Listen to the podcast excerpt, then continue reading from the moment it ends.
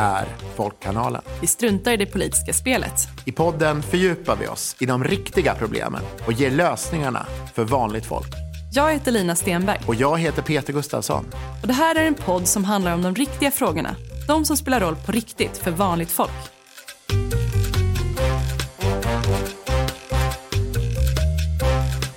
Hej och välkomna till ett nytt avsnitt av Folkkanalen. Idag ska vi prata om en fråga som länge har bubblat och eh, funnits där men som nu på senare tid har skjutits upp och blivit en, en väldigt aktuell fråga.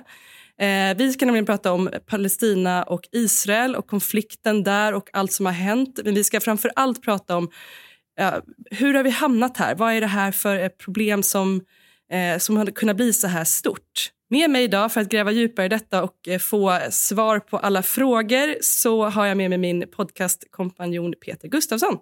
Hej Peter! Hej Lina! Fint att vara tillbaka även om det kunde vara under bättre omständigheter. Ja, vi börjar med den 7 oktober här nu bara för någon vecka sedan. Eh, vad hände egentligen då vid gränsen till Gaza? Ja, det som hände var ju att Hamas, eh, som nu är den grupp, eh, terrorgrupp som kontrollerar Gaza, tog sig in över gränsen på ett antal olika ställen och attackerade olika, vissa militära men framförallt civila mål. Eh, där bland annat en musikfestival eh, som ägde rum i Negevöknen, 260 döda.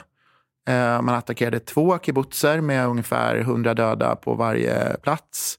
Man sköt också en stor mängd raketer, men liksom den, de allra största, den stora mängden döda var på de här tre platserna. Vill du berätta lite kort om Hamas? Vilka är de och hur kunde det här egentligen hända? Ja, Hamas är ju en av många olika palestinska rörelser. De ingår inte i den palestinska samarbetsorganisationen PLO eh, som funnits under lång tid, utan Hamas bildades på 80-talet av konservativa islamister eh, i Gaza.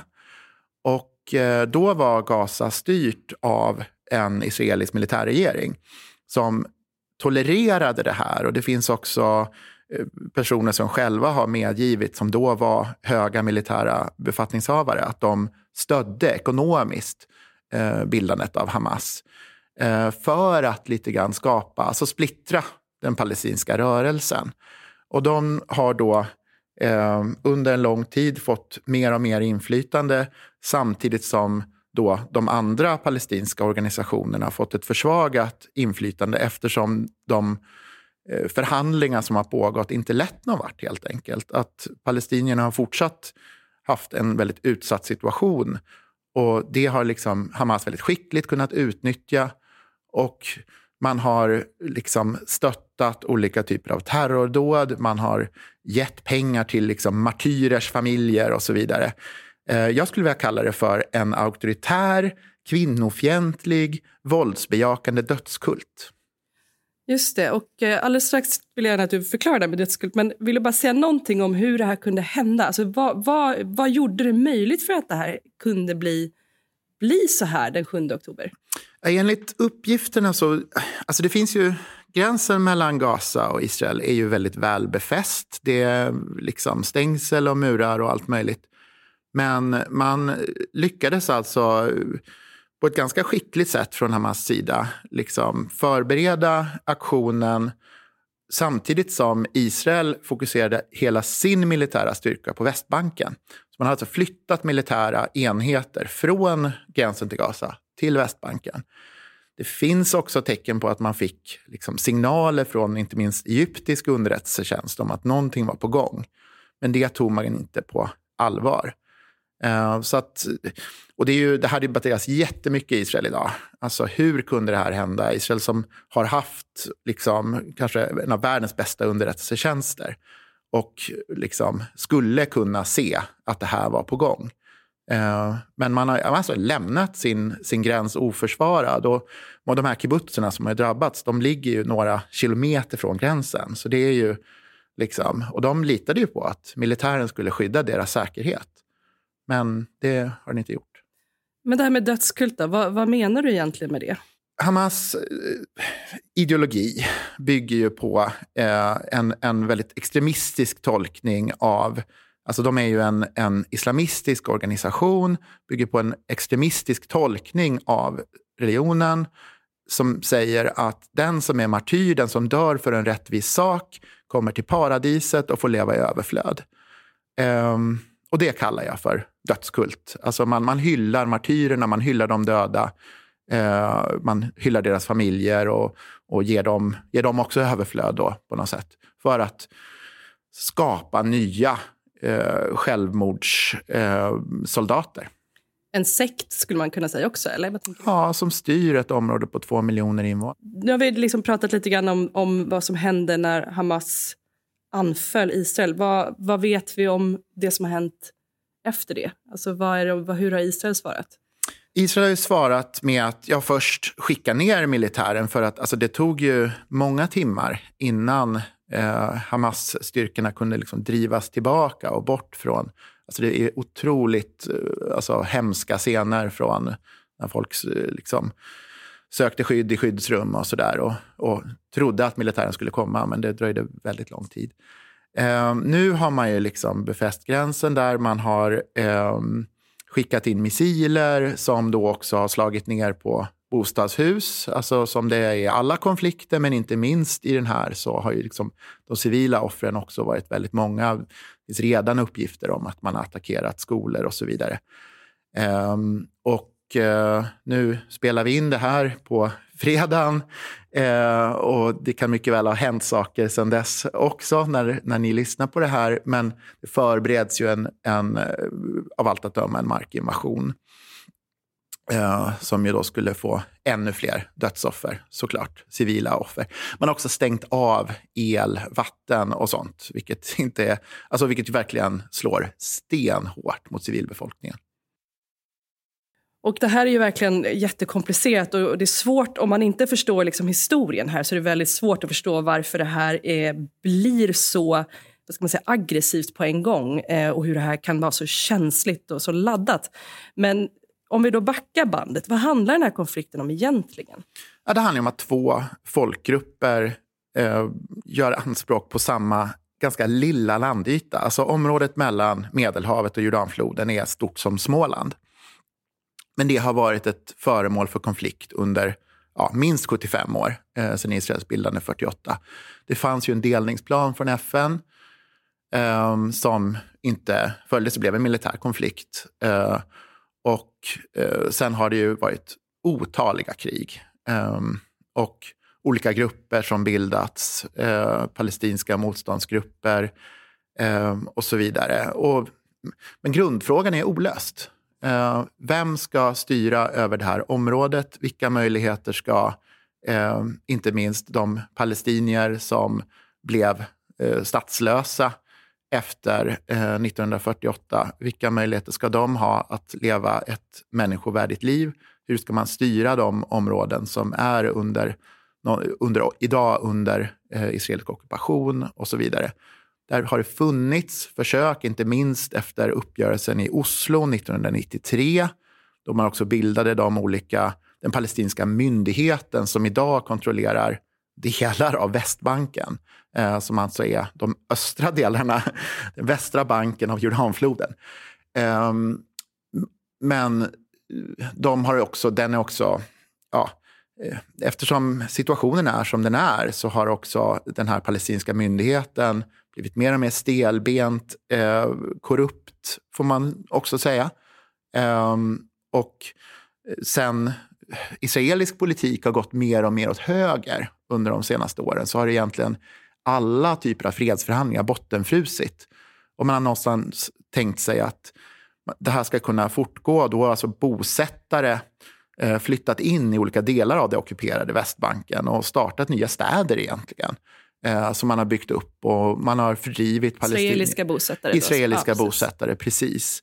Och det här har ju då skapat en Eh, frustration och en hopplöshet hos den palestinska befolkningen. Eh, samtidigt som... Eh, ja, och det hade också skapat såklart ett underlag för de som förespråkat mer radikala lösningar. Eh, nu ska vi militärt attackera Israel, liksom, från den palestinska sidan. och ehm, ja, alltså det, det är ju en, en hopplös situation som under många år, liksom, som du sa i början, liksom bubblat där. Nu har det blivit ett nytt krig av detta. Jag tänker att det, är, det kan med fördel eh, googla eller titta på hur, hur de här staterna har liksom sett ut eh, geografiskt över tid för att också få en bild av eh, hur det såg ut 1948, efter 1967 och sen 90-talet och fram till nu. Eh, för att också få en bild av ja, men hur det på riktigt ser ut. Ja, nej men alltså det här har ju, idag pratar vi mycket om etnisk rensning. Det är ett begrepp vi använt sedan Balkankrigen på 90-talet. Men det som hände i det här området på sent 40-tal var ju också en etnisk rensning.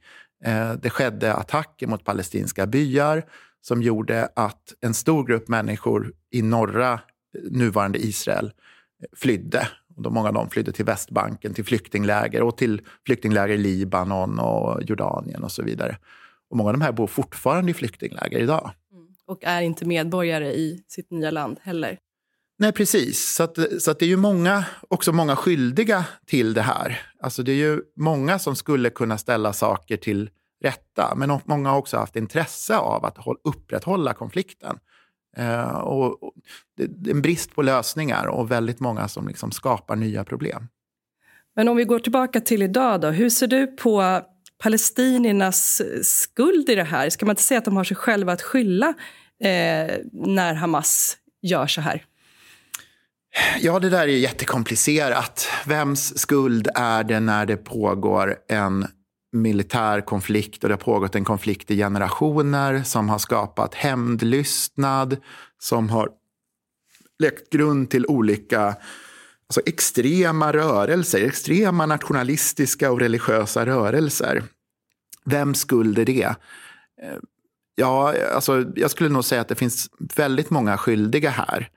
Ehm, och man kan nog definitivt säga att eh, arabstaterna kanske skulle ha agerat annorlunda efter konflikten 1948, absolut. Och försöka hitta någon sorts permanent lösning och acceptera eh, staten Israel i någon form, absolut. Men nu är det 75 år senare och man måste hitta en lösning. Och jag tror fortfarande att de skisserna som fanns eh, 1993 i Oslo, de har sen liksom förlöjligats och så vidare. Men någon form av tvåstatslösning tror jag liksom är det enda som man långsiktigt kan tänka sig.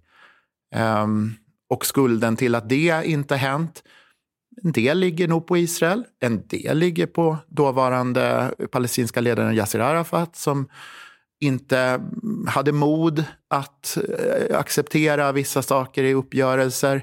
Det finns många olika syner på det här och jag ska inte gräva för mycket i det. Men eh, nu är vi där vi är och nu gäller det att hitta en lösning framåt för alla de människor som drabbas av det här, både israeler och palestinier. Det är helt uppenbart att, att i Israel har man någonstans litat på att trots att det finns en så stark palestinsk frustration så har militären kunnat skydda en. Och det är vad det här visar att trots allt detta så har inte militären kunnat skydda civilbefolkningen. Nej, men precis. Um, och om vi nu går tillbaka till Sverige då, och oss liksom vanligt folk här. Eh, hur skulle du säga att det här nya kriget påverkar oss? På jättemånga sätt. Alltså, det som också har hänt under de här 75 åren är ju att världen har blivit uppkopplad. Eh, det som händer där händer i stor utsträckning också här. Det finns ju i Sverige både personer med judisk bakgrund, med muslimsk bakgrund. Eh, vi ser att båda sorternas hat nu växer. Både antisemitiskt hat och antimuslimskt hat. Och det gäller ju att se att den här konflikten den triggar en massa saker hos en massa människor. Eh, som gör det svårare både att vara jude i Sverige och att vara muslim i Sverige. Eh, och det måste vi se och ta på allvar. Men om vi tittar på både den här eh, ja, men konflikten där på plats men också den här eh, ska man säga, polariseringen som ändå det här blir en del av i världen och i Sverige. Vad är vägen framåt? Hur kan vi komma förbi det här på ett positivt sätt? Ja, just nu så är det ju väldigt svårt att se någon väg framåt som är positiv. Men jag tror man ändå måste hoppas och man måste tänka långsiktigt. Um, det, det kommer att, vi är i en ny cykel av våld. Um, allt tyder på att det kommer bli värre innan det blir bättre.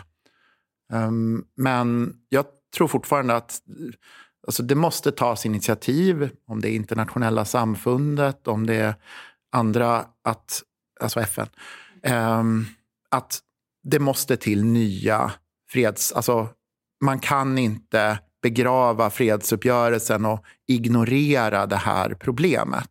Därför att det kommer att blossa upp på en väg eller en annan om och om igen tills dess att båda sidor upplever att man har en någorlunda rättvis lösning eh, som gör att man kan liksom få tillgång till utbildning, få tillgång till sjukvård. Få, alltså det här handlar om, om liksom grundläggande, inte minst i Gaza som är en väldigt litet område med väldigt lite resurser, väldigt fattigt område. Eh, där livsmöjligheterna, man har varit under blockad under väldigt många år och så vidare. Alltså, man måste hitta lösningar. Och jag tror att det, det handlar om liksom, att man måste återuppta fredsförhandlingarna. Och det är inte med Hamas, det är ju med PLO. Eh, den, den, liksom, den stora paraplyorganisationen för den palestinska befrielserörelsen. Den legitima liksom, myndigheten i ledningen. Um, jag, jag, tänker också på... Det har ju också diskuterats om, om det finns andra internationella intressen i det här och också kopplat till liksom, kriget i Ukraina och Iran och så vidare. Hur, hur, vad tänker du om det? Ja, alltså den här konflikten, liksom, alla har ju någon litet finger med i den här soppan på något sätt. Iran definitivt. Iran eh, utrustar ju Hamas, eh, är liksom ideologisk inspiratör till Hamas. Ehm, definitivt. Ja, det finns ju historiskt sett så har ju också den här konflikten haft kopplingar till kalla kriget och så vidare. Nu, nu är det en annan eh, situation. Det är svårt att veta vart det här tar vägen. Liksom. Det, men det finns ju många som har intressen i området. Saudiarabien har intressen. Eh, må, många vill, vill gynna sina sidor i det här. Ja, men precis. Slutligen då, kan det någonsin bli fred i det här området? Ja, det är lätt att misströsta och tro att, det, eh, att allt det är kört. Jag tror ändå man måste eh, se att det finns en stark vilja. På 90-talet så fanns det faktiskt en fredsopinion på båda sidorna som ledde fram till ett avtal. Sen så blev Yitzhak Rabin, som var den israeliska ledare som tecknade det här avtalet, blev mördad av en eh, lönnmördare i samband med ett stort en stor demonstration i Tel Aviv. Uh, och det begravde, det, det, blev liksom början till slutet på den fredsprocessen. Då kom Netanyahu, som nu är premiärminister, till makten för första gången. Uh, efter, efter att det hade hänt uh, några år efteråt.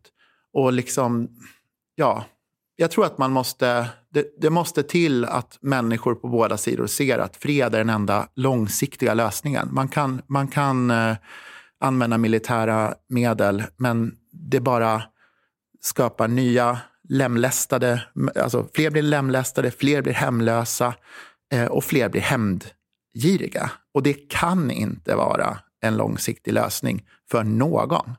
Barnen i kibbutzen Beri och barnen i Gaza är värda att få växa upp i fred och, och trygghet. Det var en väldigt fin avslutning. Um...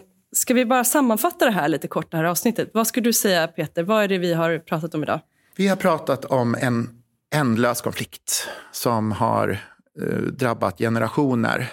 Generationer av israeler, generationer av palestinier och som kommer att fortsätta tills att man har hittat en långsiktig fredsöverenskommelse som båda sidor ser som någorlunda rättvis och eh, som ger alla säkerhet och trygghet. Tack Peter. Du lämnar mig med en känsla av hopp och eh, känsla av att vara positiv för framtiden. Just nu känns det ju väldigt tufft eh, när vi pratar om Palestina och Israel men det kan faktiskt, ja pendeln kan svänga. Det har ju hänt förr. Eh, och vi får helt enkelt bara göra vårt bästa för att eh, prata om tolerans, om mänskliga rättigheter om fred och om ja, andra sätt helt enkelt. Du som lyssnar är välkommen att fortsätta diskussionen i våra sociala kanaler. Vi läser alla kommentarer och försöker svara på allt vi kan. Eh, Peter, har du någon hälsning till lyssnarna? Ja, du kan hjälpa oss genom att ge vår podd ett betyg och en recension. Det betyder mycket för oss att alla lyssnar och för att fler ska få upp ögonen för podden så behöver vi fler recensioner. Så vill du att fler ska få möjlighet att lyssna på podden, sätt ett betyg och en kort recension om varför du tycker man ska lyssna på oss. Tack igen Peter för en bra genomgång av den här eh, hemska situationen i Palestina och Israel. Och tack till dig som har lyssnat. Ha det bra tills vi hörs igen. Du har lyssnat på Folkkanalen, en podd för vanligt folk. Folkkanalen görs av Lina Stenberg och Peter Gustafsson. Och vi finns där poddar finns.